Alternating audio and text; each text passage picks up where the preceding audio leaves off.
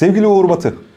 Hoş geldin. Ne haber? Hoş bulduk. Gayet iyiyim sizler. Ben hala hoş bulduk tercih ediyorum. Bu hoş buldum bir garip geliyor bana. Hoş bulduk güzel ama ya evet duygusu da duygusu da keyifli Hep güzel. birlikte. İlk çekim yaptığım herkese sorduğum bir soru var. Sana da o soruyla beraber başlamak istiyorum. Lütfen. 6-7 yaşlarına geri dön. Ne olmak istiyordun büyüyünce hatırlıyor musun? Çok iyi hatırlıyorum çünkü 6 yaşında ben minikler futbol takımında tekelde futbol oynamaya başladım. Üniversitede futbol bursu alana kadar da devam ettim. Üniversiteler Ligi'nde de oynadım. Büyümüş. Yıldızlar Ligi'nde baya baya hem asist kralı hem ligde gol kralı olarak falan iyi ilerledim. Üstelik Tuzla'da oturuyorduk. Ceviz'den Tuzla zannedersem 14 istasyon. Şimdi düşündüğümde an- yani inanamıyorum ama 6 yaşındaki bir çocuk trene gidiyor Tuzla'dan. Biniyor trene tek başına. 14 istasyon gidip Cevizli'deydi tekel. Üst kata çıkıp Cevizli'ye sahaya gidip yoldan geçip falan. Yani herhalde ya o zaman dünya Türkiye daha güvenli bir yerdi ya biz daha çılgın insanlardık. Ya da e, riskleri öngörmüyorduk diye düşünüyorum. O yüzden futbolcu olmak istiyordum. Bırakmam da çok enteresandır ama. Onu da söyleyeyim madem. Hani ilk gelene ne olmak istiyordun ama niye bıraktın olmadı sorusunun cevabını da veriyorum. Bir gün bir hazırlık maçı oynuyoruz. Yaş Saat- kaç bu arada? ee, 17. Tam öyle üniversite öncesi falan aklımda da yok bu arada yani ben futbolcu olacağım yani bayağı. Profesyonel sözleşme imzalamışım. Ben sağ bek oynuyorum. Şey sağ açık oynuyorum. Arkamda sağ bek oynayan bir arkadaş var. Bir tekmenin yere paralel bir şekilde çift dalmak deriz ya çift dalarak arkadaşımın diz kapağına doğru geldiğini gördüm. Diz kapağının yerinden parçalanıp uçabilen bir şey olduğunu gördüm. Diz kapağı uçtu çocuğun. Yani bildiğin o diz bağlarını tutan o kapak uçtu. Korktum. Çünkü arka tarafta rabarba var. İnsanlar konuşuyorlar dehşet içerisinde. Arkadaşımın çığlıkları var. Maç yarıda kaldı. Özel zaten hazırlık maçıydı. Pazartesi günü idmana gittiğimde takımın emektar malzemecisine şunu sordum. Adı Ahmet Ahmet abi. Hayattaysa Allah uzun ömürler versin. Abi bu kulüpten çıkıp da birinci ligde yani o zaman birinci ligde şimdi Süper Lig oynayan futbolcu var mı diye sordum. Şöyle bir düşündü hafızasını tazeledi. Yok dedi. Ben de tamam teşekkür ederim abi deyip üniversite sınavına çalışmaya başladım. Çünkü benim hayatımda e, felsefelerimden biridir. Tabii ki azmet, çok çalış bilmem ne falan bunlar biraz da kapitalist zamanın ruhunun e, bize motivasyonlarıdır ama binlerce insan bunu başaramadıysa sen niye bunu başarırsın? Birinci soru. Hangi sebepten dolayı? İkinci mesele de hayat fırsat maliyeti üzerine çalışır. Orada bir şeyi yakalamaya çalışıyorken acaba bu tarafta bir şey kaçırır mıyım prensibini. Ben hayatım boyunca her konuda desturlarımdan biri oldu ve bu yolculuğa öyle başladım. Yani zorlamadım o tarafı. Peki birinci sorunun getirdiği gıcık ikinci soruyu da sorayım Tabii, o buyurun zaman sana. Peki büyüdün ne oldun? Ha bu daha bu daha zor. Bak ne olmak istediğini Çok iyi biliyorum. Ne olmak istediğini Bizim gibi insanların böyle soruları cevaplaması çok zor olduğunu da Evet. biliyorum. O yüzden gıcık bir soru bu. Ben o soruda daha çok şu tarafını düşünüyorum. Ne olduğumu gerçekten bilmiyorum ama umarım iyi bir şey olmuşumdur ya da iyi bir şey olma yolunda ilerliyorumdur e, cevabıyla karşılayayım. Üniversitenin daha hazırlık sınıfında ise bir başka kendime vizyon e, cümlesi belirledim. E, reklamcılık yapmaya başlamıştım 94. Dedim ki hayatımı mutlaka yaratıcılık odağında, verimliliğin de söz konusu olduğu bir biçimde yaşayacağım. Bu yaratıcılığın içerisinde yazı çizi olur, fikirler üretmek, konseptler üretmek olur, sanat olur. Ve aslında o yıllardan bu yana 94'ten 2021 e, bunu yapmaya çalışıyorum. Dolayısıyla olduğum şeyin e, verimlilik odağında çalışan e, bir yaratıcı olduğumu söyleyeyim. Yani o, olduğum şey o. Bu, bu da bana yetiyor tanımlama olarak. Çünkü e, özneyi artık kimliği tanımlamak çok zor. Evet fikir üretiyorsun aslında düzenli Evet, olarak. evet. Arka tarafta yaptığım şey o ön tarafta başka bir mühendisliğe dönüyor ama orijinalde arka tarafta Evet. e, fikir üreticisi oluyorsun. Tabii sende Bu- de oluyordur. Yani Evet. kimliği tanımlamak çok zor. İnsanın kendisini tanımlaması da çok zor. Bir şeyim diyorsun, akademisyenim diyorsun, bir şey eksik kalıyor. Akademisyenim diyorsun, bir şey fazla da geliyor aynı zamanda. E, dolayısıyla Güzel tarifmiş bu. arada. Evet, dolayısıyla şey çok zor yani hani yüzen gezen kimlikler, tanımlar, anlamlar yüzüyor geziyor. Zaten postmodernizmin özelliği. Niye kimliğimiz ve benliğimiz de postmodern olmasın? Ben de öyleyim yani. Aa, iyi topladın. o topa girerim ama ben sonra. Buyur, buyur. Tarafına. Zaten girildiği zaman çıkılmıyor. Bu da zaman alıyor ama girdiğimiz hiçbir şeyden çıkamıyoruz ki. Hocam öyle bir şey var. Nereden çıkmayı becerebildim şu ana kadar? Çok net yani. Seninle beraber Açık Beyin'de Aklın Sınırları başlığında e, hem güncel hem hayatımızı birinci derecede etkileyen sokaktaki basit kararlarımızın üzerine aklımızı nasıl kullandığımız ana parantezin içinde sohbetler yapacağız. E, bugün gerçekten ortak problemimiz olan bir konu seçtik birlikte. Şu vasat. Girerken seçtik de çok da güzel oldu yani. Evet, evet. Hani- Planlarımız başkaydı. Ee, yani Türkiye'de hep işte bir şeyleri tarif ederken arka tarafta e, genel olarak kapsayan ana hikayeyi arıyoruz konuşurken yani ana bir neden Evet, arıyoruz evet. arka tarafta. Evet. Biraz daha gelip ya bu sorunları yaşıyoruz ama bunun bir nedeni olmalı. Neden neden diye arkaya geldiğinde benim elimde hep Türkiye ile ilgili konuşuyorken bu geçmiş gazeteden kaynaklı geçtiğimiz 80 yıllık bir genel örüntüye de baktığımızda iki tane nedenin çok etkileyici olduğunu hep düşünmüşümdür. Bunlardan bir tanesi bizim göçmen bir ruha sahip olma formülümüz. Göç zihninin kendisi bir neden ve kalıp olarak durur.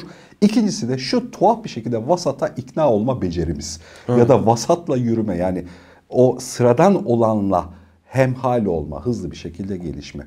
Bugün beraber vasatı konuşacağız. Soracağım. Bizim aklımız sınırları vasatı nasıl zorluyor ya da zorlamalı mı? Hangi nerede nasıl duralım falan falan hikayesi. Önce klasik soruyla beraber başlayalım. Bu klasik soru e, İlker Canikli gibi olacak ama evet doğru sorusu böyle. Vasat nedir? Vasat nedir?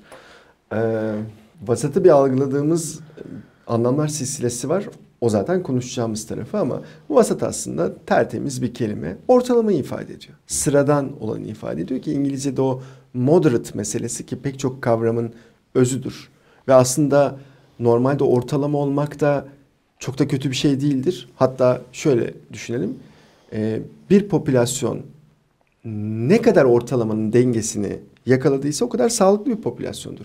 Bu anlamda aslında vasat kelime anlamından yola çıkarsak ortalamadır, sıradandır ama aynı zamanda dengelidir, sağlıklıdır ve sürdürülebilirdir aslında vasat. Fakat vasat dediğimiz kelimenin içerisine e, insanın bir bir taraftan ruh bilim açısından bakıldığında ruhani bir tarafı giriyor. Nefs. İnsanın sınırları zorlaması meselesi giriyor ki işte Sinan önce bunun kitaplarında değil mi? Sınırları aşmak şekilde söylemlerinde ifade ediyor. İnsan sınırlarını aşmaya programlanmış bir varlık. Bunu da beyin aracılığıyla yapıyoruz. O sınırları aşmaya çalışan insan için yine bir kavram devreye giriyor. Nefs. Ve nefs de vasatı sevmiyor. Eğer biz hayatta ortalama sıradan dengeli sağlıklı bir popülasyon sağlayabilseydik, bu popülasyona ilişkin bir teknoloji bütünü, yaşam stili, arzularımız, işte hedonizmimiz orada sınırlı kalsaydı hayat harika ilerlerdi. Ve muhtemelen buradan çok daha iyi olurduk ama hayat öyle ilerlemiyor. Teknolojide sıçrıyoruz. Algoritmalar, yapay zekalar, teknolojiler. Her an insan önce kendini yükseltiyor, bir teknoloji üretiyor. Sonra da ürettiği teknolojinin kurbanı oluyor, tutsağı oluyor. Hızın tutsağı oluyor. Şimdi sadece teknolojinin tutsağı olmuyor, aynı zamanda teknolojiyle bir takım gelen kavramların da tutsağı haline geliyor. Hızın tutsağı oluyor, öyleyiz. İzafiyetin tutsağı alıyoruz, anlamların karma karışık olması. Bugün doğru bildiğin şey yarın yanlış, senin için doğru olan benim için yanlış. Yani ortada bayağı bir muğlaklıklar, grilikler silsilesi olan bir hayat yaşıyoruz. Bu Herkes da, haklı. Herkes haklı. Herkes gerçekten haklı bu arada. E burası biraz tartışma götürür yani. Hani Evet. Yani okey liberal bir taraftan bakıyorken herkes haklı ve herkes gerçekten haklı ama yani ne yazık ki hayatımızda kritik kararlarımızın hiçbirini liberal bir zeminde veremiyoruz. Evet. Belki vermememiz de iyi ama adını liberalizm koyduğumuz için bir de veriyormuşuz gibi davranıyoruz. O da başka bir tartışmaya getiriyor. Yani vasatın kelime anlamı ve o kelime anlamının etrafında aslında o vasata uygun bir hayat teşkil edebilseydik vasat harika bir şey olurdu ama öyle değil. Dünya sıçradı, insanlar sıçradı, teknoloji sıç- sıçradı, üretim sıçradı, her şey sıçradı. E, arada seni desteklemek Tabii. için kullanayım. Mesela korona ile ilgili yaşadığımız hikaye yani ölüm kalımla alakalı kritik bir mevzu olunca demek ki işte siyasetin ve ortalama sosyal konuşmaların çözüm üretemeyeceğini anlıyor. Bir bilim kurulu organize etmek zorunda kalıyorsun ve bilim kurulunu organize eder etmez de onu vasata indirmek için elinden gelen her tür çabayı yapıyorsun da dönüyor ya. Ya da bilim kurulu da çıkar yolun bu olduğunu düşünüyordur. Güzel. bu, bu, bu da bu da ayrı bir mesele. Bu arada sistem seni gerçekten vasata da zorluyor. Yani biz vasatı şimdi analitik olmak adına çeşitli başlıklar altında vasat siyasetin kendisi. Siyasetle başlıyor. Biz siyaseti çoğunlukla indirgemeci bir kelime olarak kullanıyoruz. Şu an belki bu konuşmanın içerisinde hiçbir parti adı geçmeyecek. Hiçbir siyasi lider adı geçmeyecek. Hiçbir ekol, paradigma, ideoloji adı geçmeyecek. Ama konuştuğumuz şey A'dan Z'ye siyaset olacak. Bu arada siyaset bir çatı kavram olarak vasatı da düzenleyen bir mekanizma aslında baktığımızda. E şimdi vasatın da bir siyaseti var. Vasatın siyasetini ben söyleyeyim şöyle algılıyorum. Bu kendi algılamam. Aslında vasat toplumun ve kolektif hafızanın rölantide olma durumu. Fakat gel gör ki dediğim gibi toplum, düzen, teknoloji bu rölantiyi kabul etmiyor. Sen bu rölantide kaldığın zaman dilimi içerisinde aslında çürüyorsun. Bu anlamda vasatlık çürütür tabiri çok doğru. Biz de çürümeye yüz tutmuş şekilde ilerliyoruz. Seninle girerken sohbeti yaptık dedik ki e, o kibrit çöpünün üzerinde o kibrit kutusunun içerisinde gerçekten vasati 40 çöp yazıyor. Ne demek vasati 40 çöp? Aslında vasati de Arapça bir köken tabi. Ya bu kutunun içerisinde ortalama 40 tane çöp var gibi bir şey söylüyoruz. Sen hatta çok güzel bir şey hatırlattın. Yani bir zaman Türkiye'de hangi zaman ben yaşamadım onu sen yaşadın mı bilmiyorum. Gündem o kadar yokmuş ki. Gazetelerde bir hafta boyunca ya biz bu kibrit kutusunun içine açtık. İşte 36 vardı, 33 vardı, 42 vardı falan. Yani 40 bulamadık gibi bir tartışmanın yürüdüğü bir zaman dilimi varmış. Mesela bu vasatı desteklerdi. Vasati olanı da desteklerdi ve biz daha harika bir hayat yaşayabilirdik. Yani her şeyin yavaş, dingin, dengeli, sağlıklı, sürdürülebilir olduğu bir zaman diliminde gündem de böyle olurdu. Bizim konu başlıklarımızdan biri de hep gündem olmalı. Türkiye'de gündem mesela bir şeyde yanılıyoruz. Diyoruz ki işte teknolojiyle birlikte veri bombardımanı, bombardımanı beyin bununla başa çıkamıyor falan filan da Burada da şu soruyu sormak lazım. Kimin beyni? Önce mesela bence bir Türk'ün beyniyle bir İsveç'in beyni arasında 2021 yılında çok büyük farklılıklar olmalı. Ki vardır yani eminim. Ha, yapısal olarak belki çok benzerdir. İşte fiziksel aktivite oluyla biz de bir elektriksel aktivite e, yapıyoruz. Onlar da yapıyor. Ya da onun bir nörokimyasal bir çıktısı vardı işte nörotransmitterler salgıladığımız hormonlar falan filan ama şimdi e, iki hafta boyunca e, kadının yeni dünyadaki yükselen yerini tartışan İsveç kafasıyla e, haftada e, bilmem kaç yüz tane şiddetin ölüm olayının tartışıldığı Türkiye'nin aynı e, beyin düzleminde hareket etmesi zor gibi duruyor. O yüzden Türkiye'nin kafası bence Türkiye gibi ülkelerin söyleyeyim dünyanın bazı merkez ülkelerin kafasından da karışık durumda. O yüzden tek bir ben şey derim mesela geleceği konuşuyoruz ya en büyük yanılgılarımızdan biri geleceği yekpare tek bir gelecek olarak konuşmak. 2040 yılında e, artık uçan araçlarla seyahat edeceğiz. 2050'de yavaş yavaş sensörler, algoritmalar gel, hat safhada gelişecek, son fazına ulaşacak meta dünyasında yaşamaya başlayacağız. 2100'de teknolojik tekillik hatta ölümsüzlüğün yolunu aramaya çalışacağız. O zaman soru şu. 2050 yılında mesela Türkiye ile e, Kanada niye aynı geleceği paylaşsın ki? 2021 yılında Afganistan'la ne bileyim İsviçre aynı 2021 mi yaşıyor ki 2050'de biz aynı geleceği yaşayalım? Hayır. Yekpare bir gelecek tasarımı yok. Evet teknoloji vesaire falan çatı kavramda yekpare gibi dursa bile bizim o geleceği nasıl yakalayacağımız kültürel farklılıklar, toplumsal refah, teknoloji gelişimi, etkileşim, demokrasi, katılımcılık anlamında mutlaka farklar içerecek. Orasına eminim. İşte bu vasata geri dönerek söylüyorum. Ee, vasatın nefse nefsle mücadelesini kaybetmesi sonucunda vasat artık algıladığımız anlamda zihnin rölantisi, dolayısıyla aklın rölantisi, teknolojinin rölantisi, e, demokrasinin rölantisi, yani siyasetin rölantisi, e, insanın rölanti halinde olma durumu, paranın, refahın rölanti halinde olma durumu.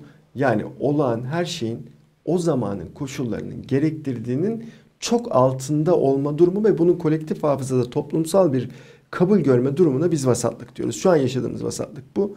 Senin de çok haklı ifade ettiğin gibi e, bu ülkenin en büyük problemlerinden biri vasatlık ve bir cümleyle sözü sana vereceğim. Bir de imparatorluk topraklarından geldiğimiz için 16 devlet ya da imparatorluk geçmişi de sürekli özleyen, tarihsel anlatılarda, tarihsel bilinçte geçmişteki o şaşalı dönemleri özleyen Türk insanının vasatlıkla kesişmesi biraz daha trajik ve acı verici oluyor. Çünkü orayı özlüyorsun. Bugüne bakıyorsun, geçmişte karşılaştırıyorsun. Bu bütün imparatorluk topraklarında vardır. Büyük medeniyet kurmuş bütün e, evlatların diyeyim, bütün kültürlerin, ülkelerin tonunda, DNA'sında bu büyük açı farkı vardır. Mısır'da da vardır. Büyük uygarlık değil. Hintlerde de vardır. Büyük uygarlıktı.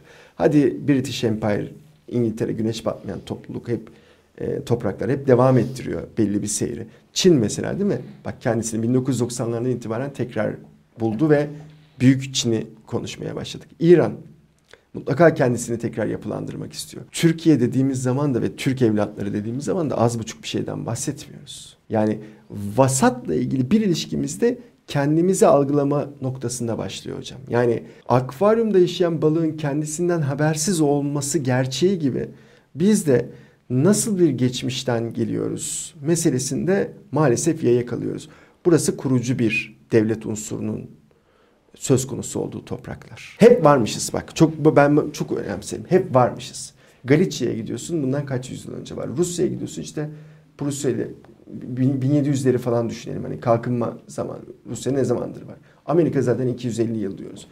Bu topraklar hep var. Biz hep varız. Hafızamızla, kolektif hafızamız, hafızamızla, tarih bilincimizle hep varız.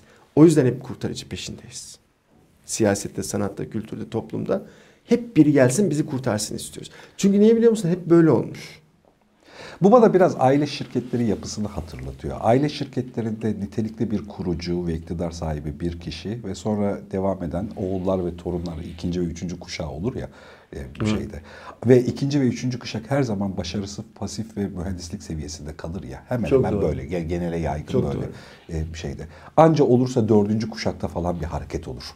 Hani bir şey çıkarsa devrimci bir hareket ya da o da güç gösterisi yaptığı bir hareket kendisi.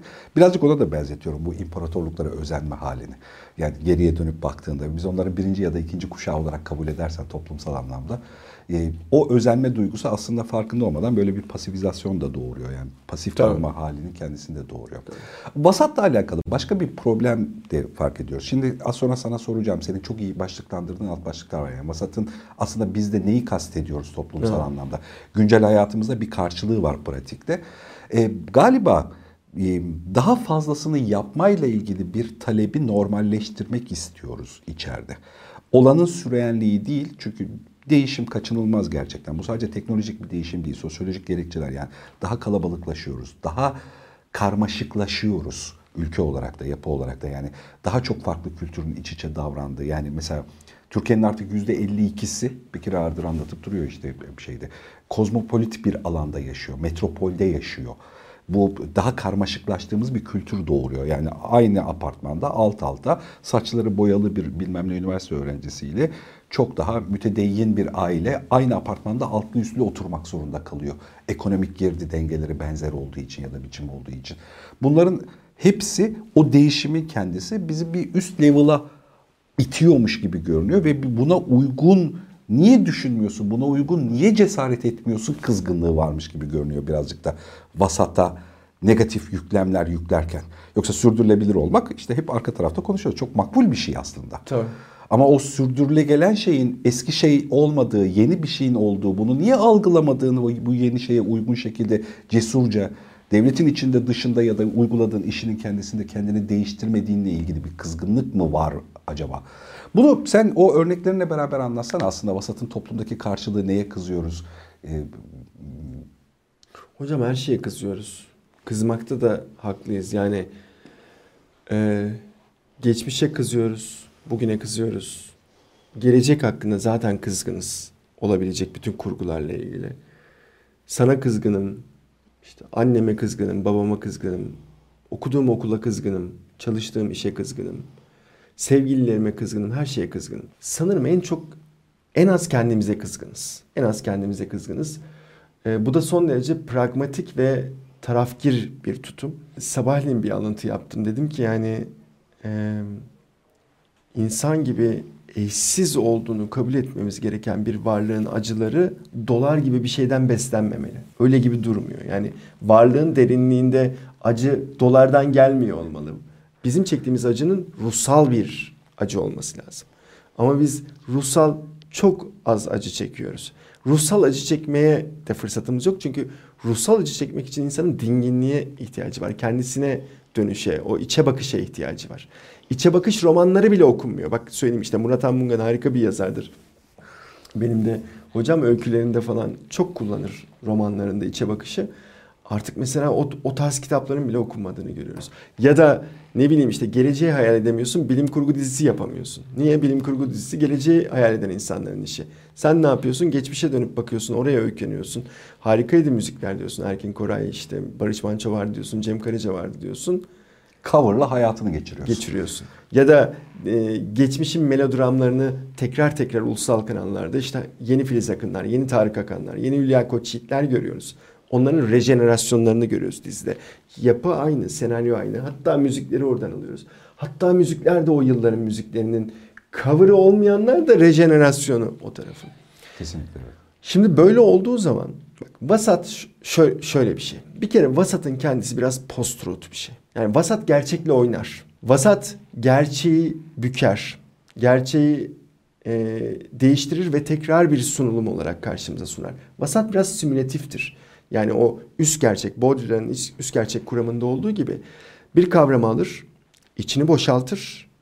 Ondan sonra o kavramın içini istediği gibi doldurup tekrar dolaşıma sokar ve adeta de facto bir ya da default bir durum yaratır. Bu kavram böyledir der. Mesela vasatın içerisinde strateji kavramını alır, içini boşaltır.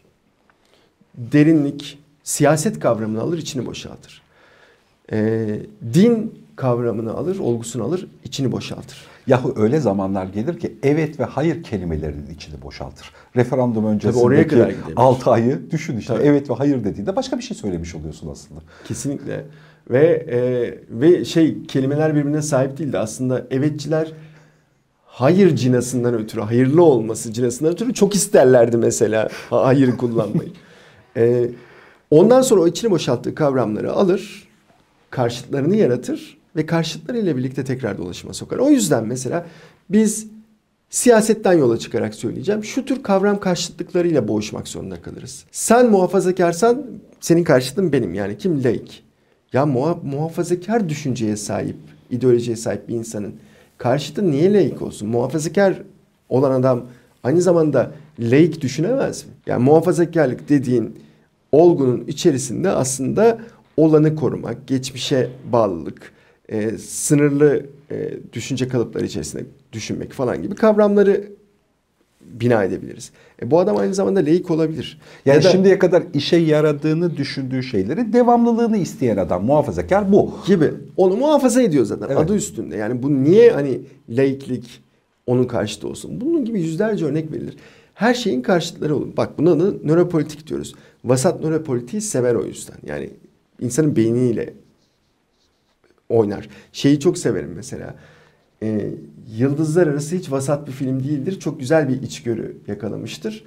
Ee, kabaca bütün çekim teknikleri vesaire açısından diğer bilim kurgu filmlerinin çok arkasındadır ama o felsefi temeli ve o yakaladığı içgörü o kadar değerlidir ki onu ikonik bir film haline getirmiştir. Zaten Nolan öyledir. Zamanı da öyle kullanır. insan da öyle kullanır. Nedir içgörüsü? Zamanı bükebilirsin, mekanı bükebilirsin ama sevgiyi bükemezsin.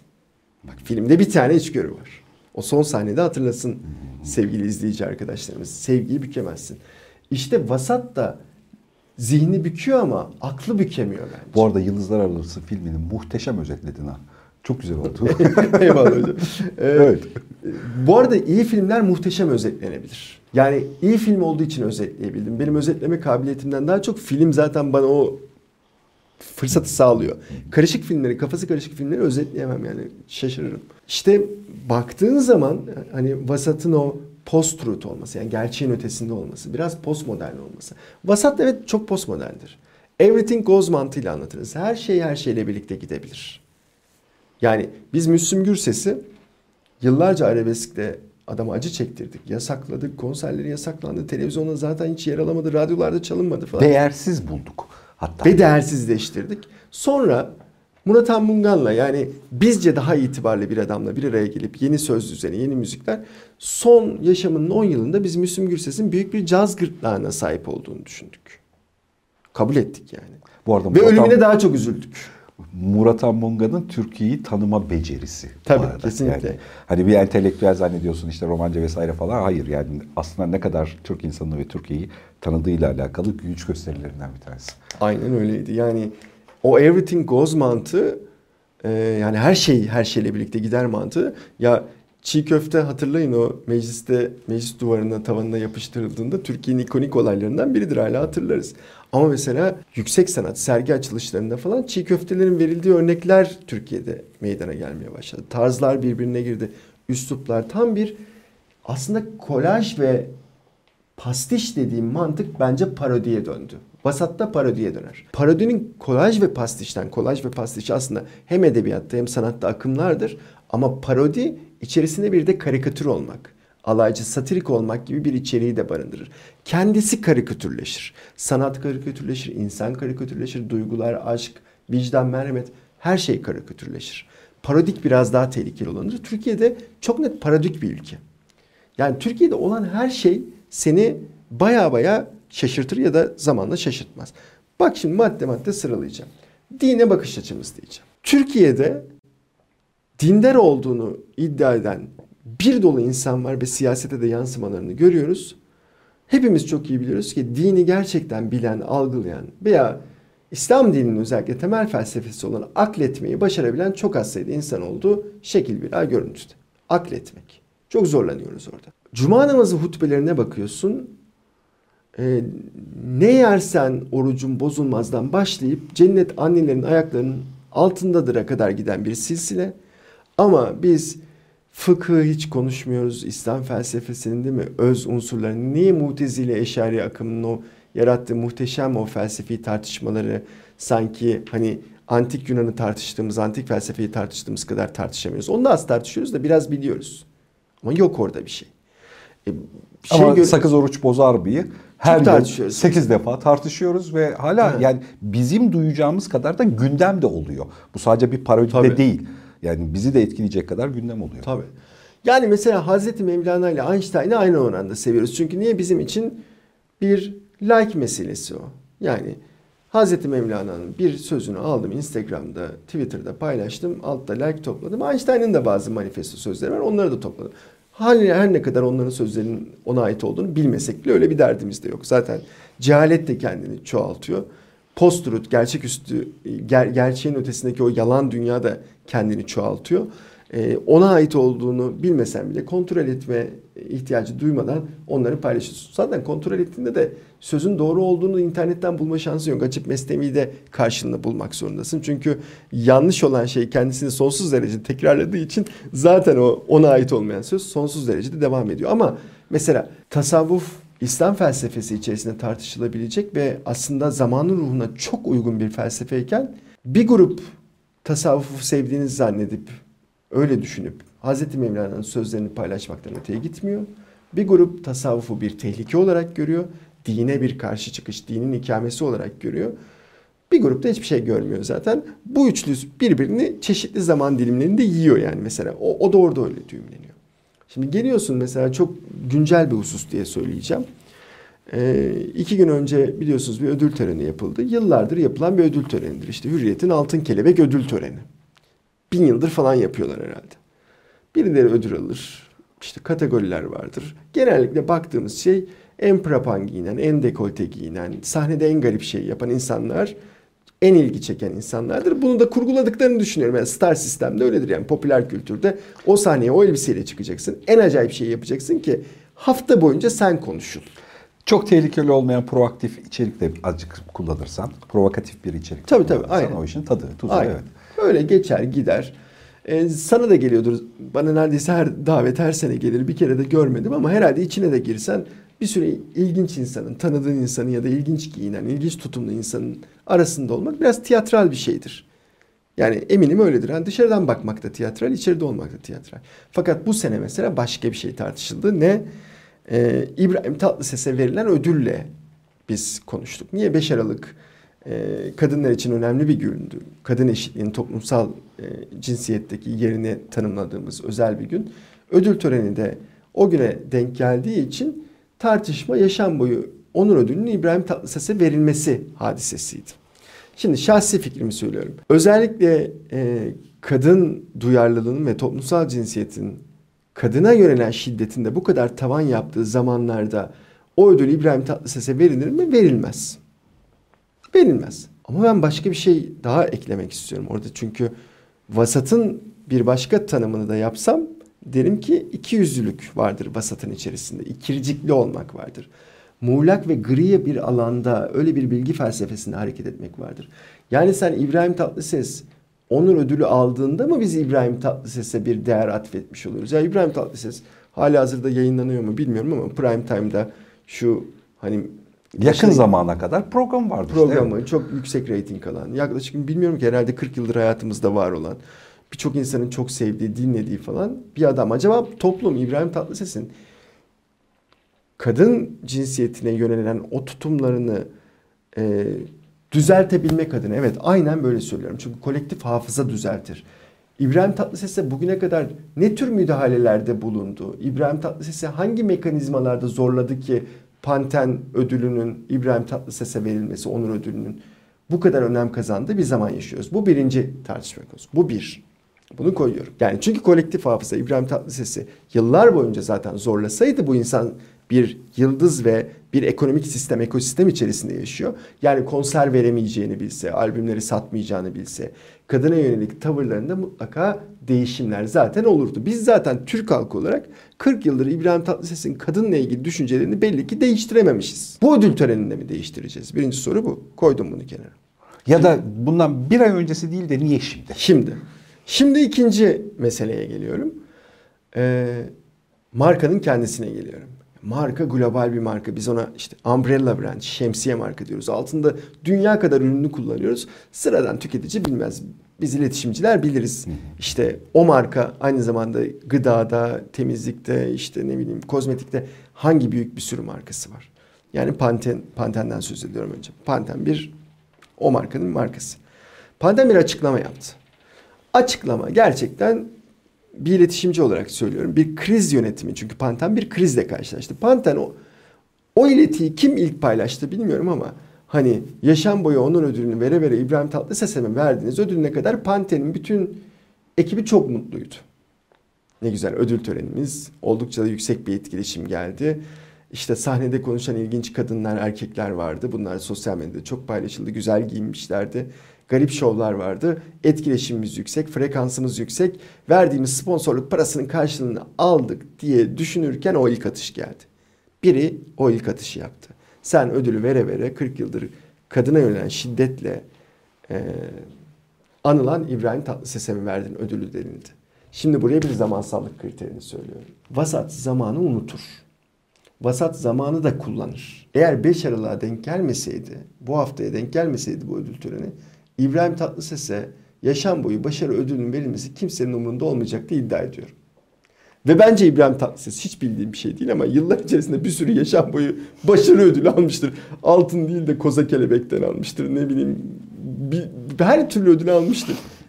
Ama zaman şans. Panten ekibi için zaman şanssızlık. Bugüne denk gelmesi şanssızlıktı. Çünkü semantik anlamsallık üst üste oturdu.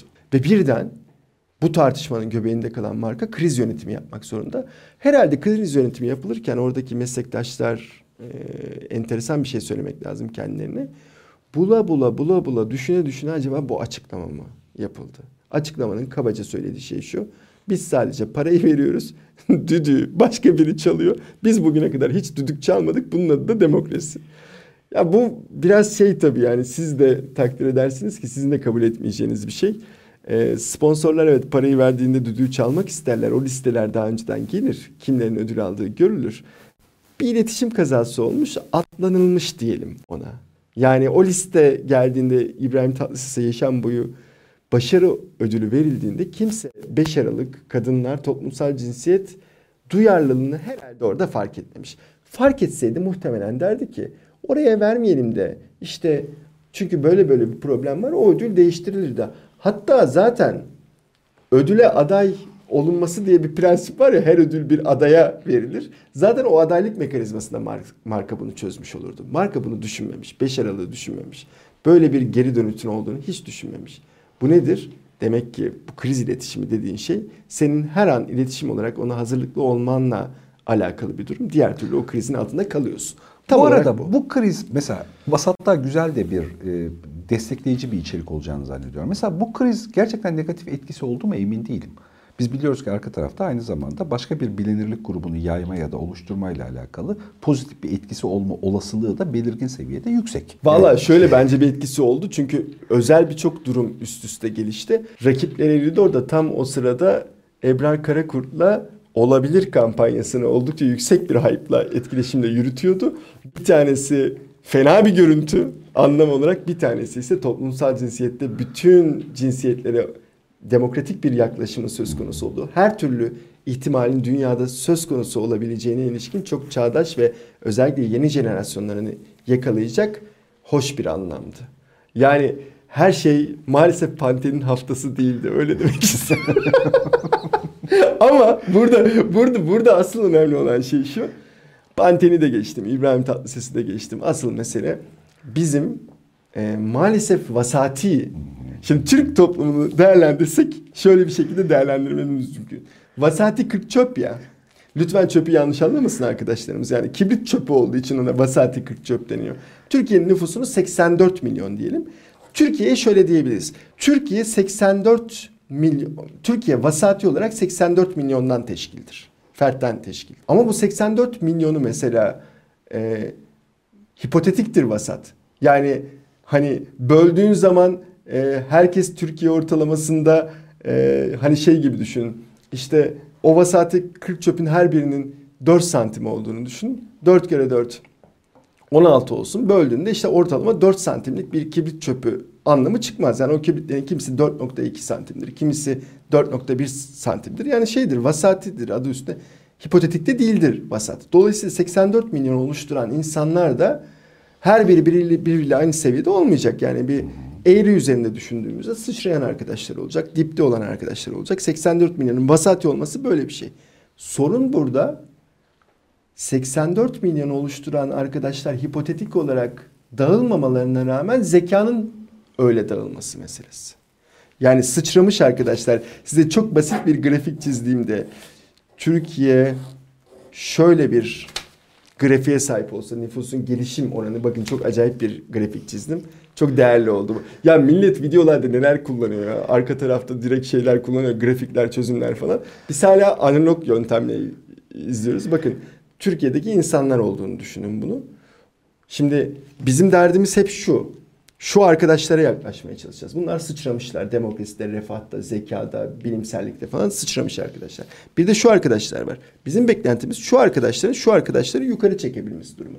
Yani bu arkadaşlar şu arkadaşları yukarı çekip dengeye oturturken şu eğri üzerinde şu dengede olan arkadaşları da biraz daha yukarı taşıyacaklar. Kendilerine yaklaştıracaklar. Buna kapitalizmin döngüsü diyoruz aslında. Yani piramidin o üstündeki arkadaşların şeyi budur. Hedefi Ana işlevi budur. Ha. Ama Basat'ta şu piramit var ya şöyle ters döner. Daha çok o en tepeye çıkan o şuradaki arkadaşlar e, en tepedeki arkadaşları baskılarlar. Biz de Vasat'ta nasıl açıklarız bunu? Okuma, yazma, düşünme, irdeleme, muhakeme etme ve buna sebep olacak tüm fonksiyonları da mümkün olduğu kadar toplumda dışarıda bırak. Televizyon programlarında düşüncenin insanın zekanın geleceğini tartışıldığı hiçbir program olmasın. Herkes iç siyaset ve dış siyaset konuşsun. O ne yaptı, bu ne yaptı, erken seçim ne olacak, asker ücret ne olacak, Arabistan'da ne oldu? Bunu tartışsın. Diğer hiçbir şey belli bir zaman dilimi sonra hiç reyting alamaz duruma gelir ki inanın televizyonlarda böyle. Reyting alamadığı için bakın bizim bir zamanlar tartıştığımız o gündem özel gibi harika programlar vardı. İşte Sinan Hoca falan da çok katıldı. Sen çok iyi biliyorsun. Bazı platform programlarında hep sen de tartıştın ve konuştun güzel programlarda. Onlar yok mesela şimdi. Herkes aynı zaman diliminde 20 tane tematik kanalda e, kon, gündemimizde hiç olmaması gereken e, zekamıza, geleceğimize, refahımıza artı birlik katkı yapmayacak iç boş konuları tartışıyoruz. Ulusal televizyonlarda yarışmalar ya da dizilerle birlikte zehirleniyoruz. E bu toplum televizyondan beslenemiyor. E bu toplum zaten kitap okumuyor. Mesela bence herkes 3 çocuk yapmadan önce herkes en az 3 tane kitap okusun. Meselenin bayağı önemli bir kısmını çözeriz. Kitaptan da beslenemiyorsun. Nereden besleneceksin? Çevrenden beslenemiyorsun. Çünkü şu eğride gösterdiğim o dip seviye toplumun geneline yayılıyor. İşte böyle olduğu zaman da hocam olay şuna dönüyor. Ee, kitaplar da vasatlaşıyor. Programlar da vasatlaşıyor. Aslında vasatın turnusol kağıdı gibi olma bir durumu var. Her şeyi kendi içerisinde eritip kendine çeviren garip bir yapı vasat aynı zamanda. Vasatın kapsayıcılığı böyle bir şeydir. Cehaletle eşdeğerdir. Bak ontolojik varlık bilimsel olarak vasatla cehalet birlikte ilerler. Yani vasat cehaletin paralel aklıdır. Cehalet de vasatın paralel aklıdır. Biri sosyolojisttir, biri sürecidir gibi düşünelim. Zaten aslında bunu problem ediniyor olmamızın zemininde bu var. Cahil kelimesini bundan 30 sene öncesinde, 40 sene öncesinde olduğu gibi gürbüz gürbüz kullanamıyoruz. Çünkü cahil bizde çok eski bir şeye karşılık geliyor. Okuma yazma bilmeyen ya da işte hani bazı şeylere defansla karşılaşan gibi. Çok özür Hani- dilerim hocam. Bilimin de özüdür. Edward, yani kuantum fiziğin ağ babalarından e, Schrödinger'in söylediği gibi bilim cehaletle başlamalıdır der. Bilim yapabilmek için belli bir oranda cehaleti kabul etmelisin. Çünkü sorgulamanın ilk anahtarı bir şeyi bilmediğin gerçeğidir. Buna da kaliteli cehalet adını verir.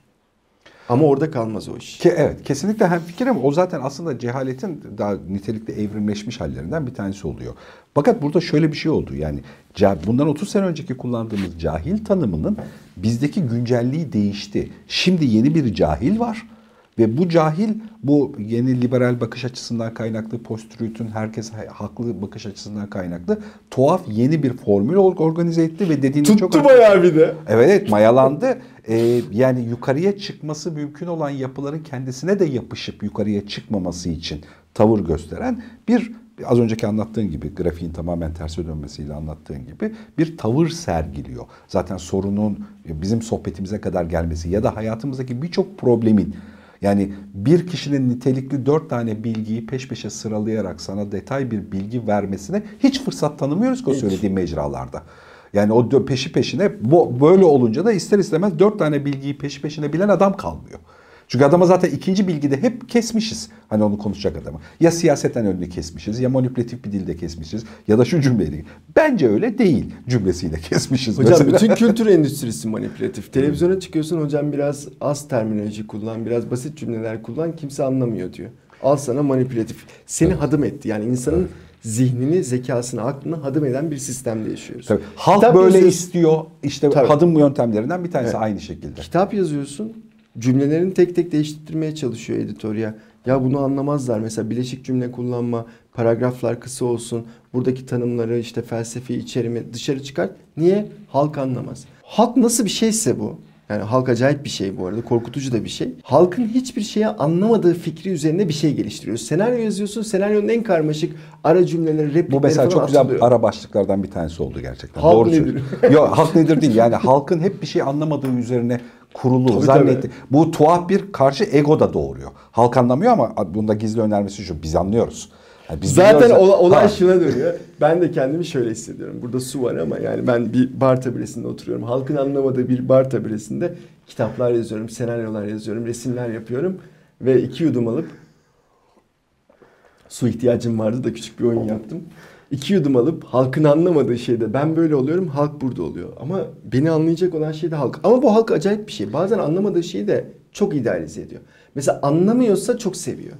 Bak konuşmalarda bile Yani öyle. Bizim açık beyinde karşılaştığımız halk böyle değil bir kere. Azıcık hava atayım konuyla alakalı. Yani genele yaygın ilk kurulurken sayısal anlamda büyüme temel hedeflerden bir tanesi değildi. Ama eşek gibi yani dijital medyanın içerisinde sayısal anlamda da büyüdük. Çatışma kurmadan ve gerçekten en son bugün Sinan Hoca ile çektiğimiz video eğer 10 binin üzerinde izlenirse ki izleneceğini biliyorum onunla beraber söylüyorum. Gerçekten sokağa çıkıp birilerinin alnını öpeceğim. Yani bu bilgiyi merak eden bir kitle var aslında ve bu 10 binler, 100 binler ya da milyonlar seviyesine de varabiliyor arka tarafta. O bir yanılsama ya. Biz vasat vasata yanılsamayla ilgili de bir şey yaşıyoruz.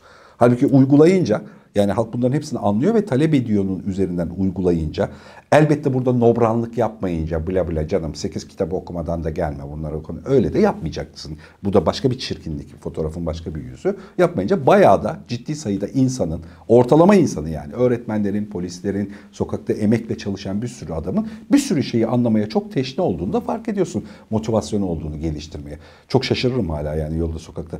Sen niye Can Canan izliyorsun diye merak edip sorduğum insanlar vardır. Yani sen, sen niye buna 16 yaşında çocuk pazar sabah niye bizi izliyorsun? Bu anlamlı değil ki bizim konuştuğumuz konu sana uygun değil gibi geliyor. Öyle değilmiş meğersem. Değil yani katılıyorum. Aradan bir açık beyin hava sattım özür dilerim. yok. Tutamadım kendimi. Yok iyi yaptın ya hocam bak. Ee, bu vasatın e, altında kendi aklına hükmedemeyen insanın başkalarının onun aklına hegemonik bir baskı kurmasına da izin vermesi prensibi var. İnsanın kendisiyle alay edebilmesi aslında hoş bir prensiptir, ilkedir. Bunu isteriz. insanın kendisiyle alay edebilmesi durumunu. Ama İlber Ho- Hoca örneği üzerinden söyleyeceğim. Asıl popüler olması işte o tarih programları çok eski zamanlardaydı. İzleyen izliyordu işte biliyorsun. O cehalet kepsleri aldı başını yürüdü. Peki İlber Hoca cehaletle ilgili o söylemleri yaparken kimle dalga geçiyordu? Senle, benle, onunla, halkla, ortalamayla, vasatla dalga geçiyordu. E, toplumun da gelenin vasat olduğunu kabul edersek ki kimse etmiyorsa da lütfen o zaman bugün açıklanan Dünya Sefalet Endeksine bakmalarını istiyorum.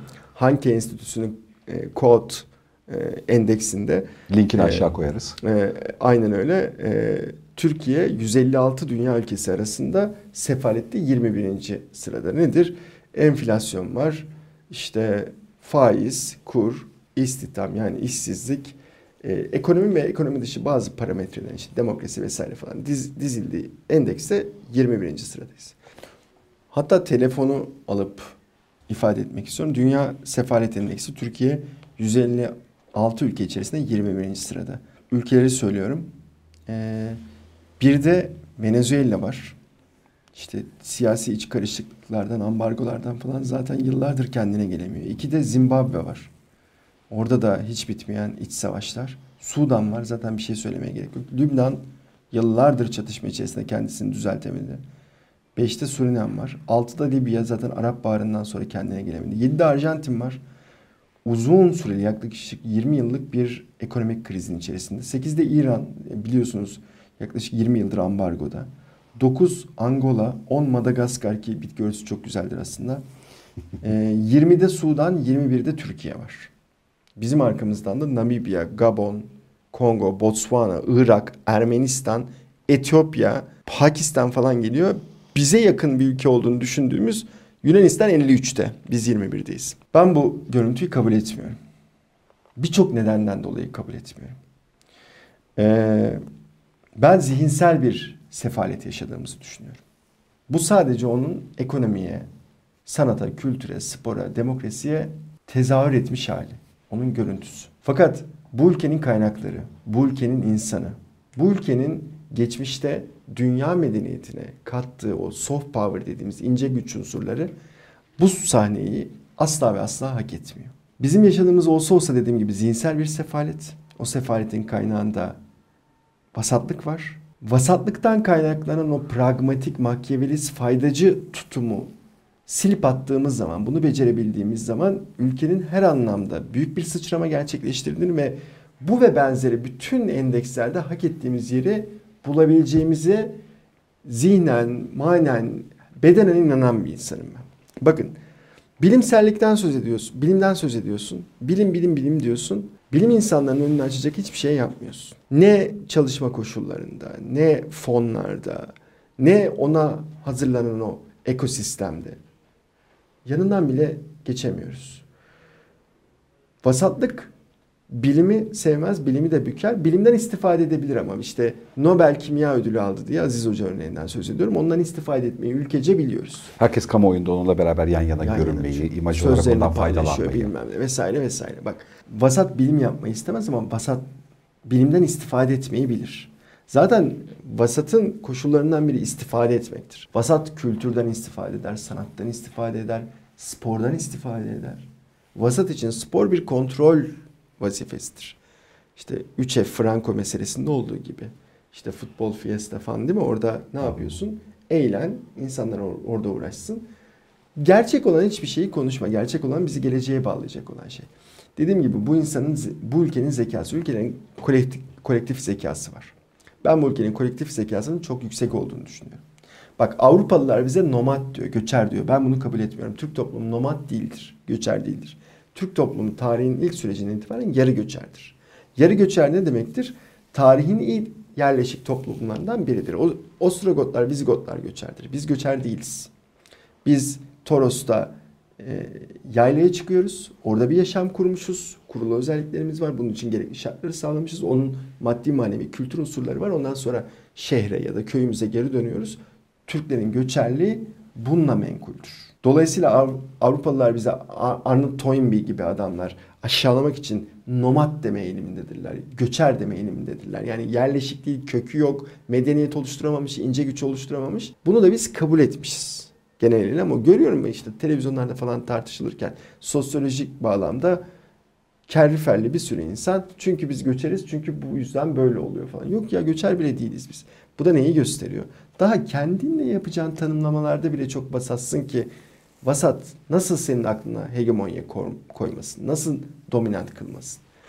İşte yaşadığımız şey zihinsel sefalet ve vasatlık. Bundan kurtuluş yollarında istersen ki sana söz etmiştim hocam ee, bir kitap çalışması da yaptık. Sevgili Gökhan Şen, Bloomberg'un genel yayın yönetmeni.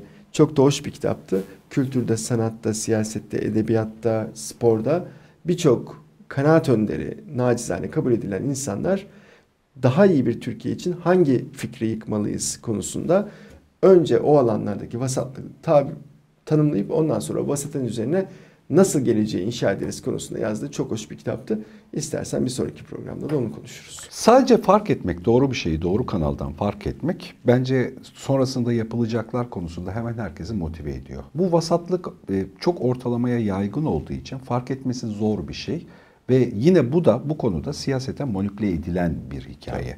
Yani mesela liyakat son dönemin siyasi diyalogların içerisinde çok sıklıkla geçen bir şey. Aslında vasatlıkla ilgiliymiş gibi görünüyor.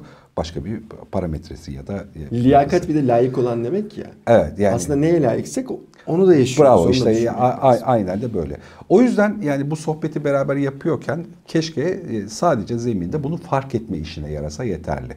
Yani neyin vasat olduğunu, nasıl dönüştüğünü. Evet. Sonra buradan neye dönüşeceği bu hep beraber üreterek yapabileceğimiz bir şey. Tek başına bir aklın böyle yapsak iyi olur. Dört maddede vasatı yenme bilmem ne falan. Bunları zayıf buluyorum zaten ama yine de bu sohbet bence dişi bir sohbet. Devamı gelir diye Aynen düşünüyorum. aynen hocam. Çok güzel bir konu. Sen buldun hoştu yani.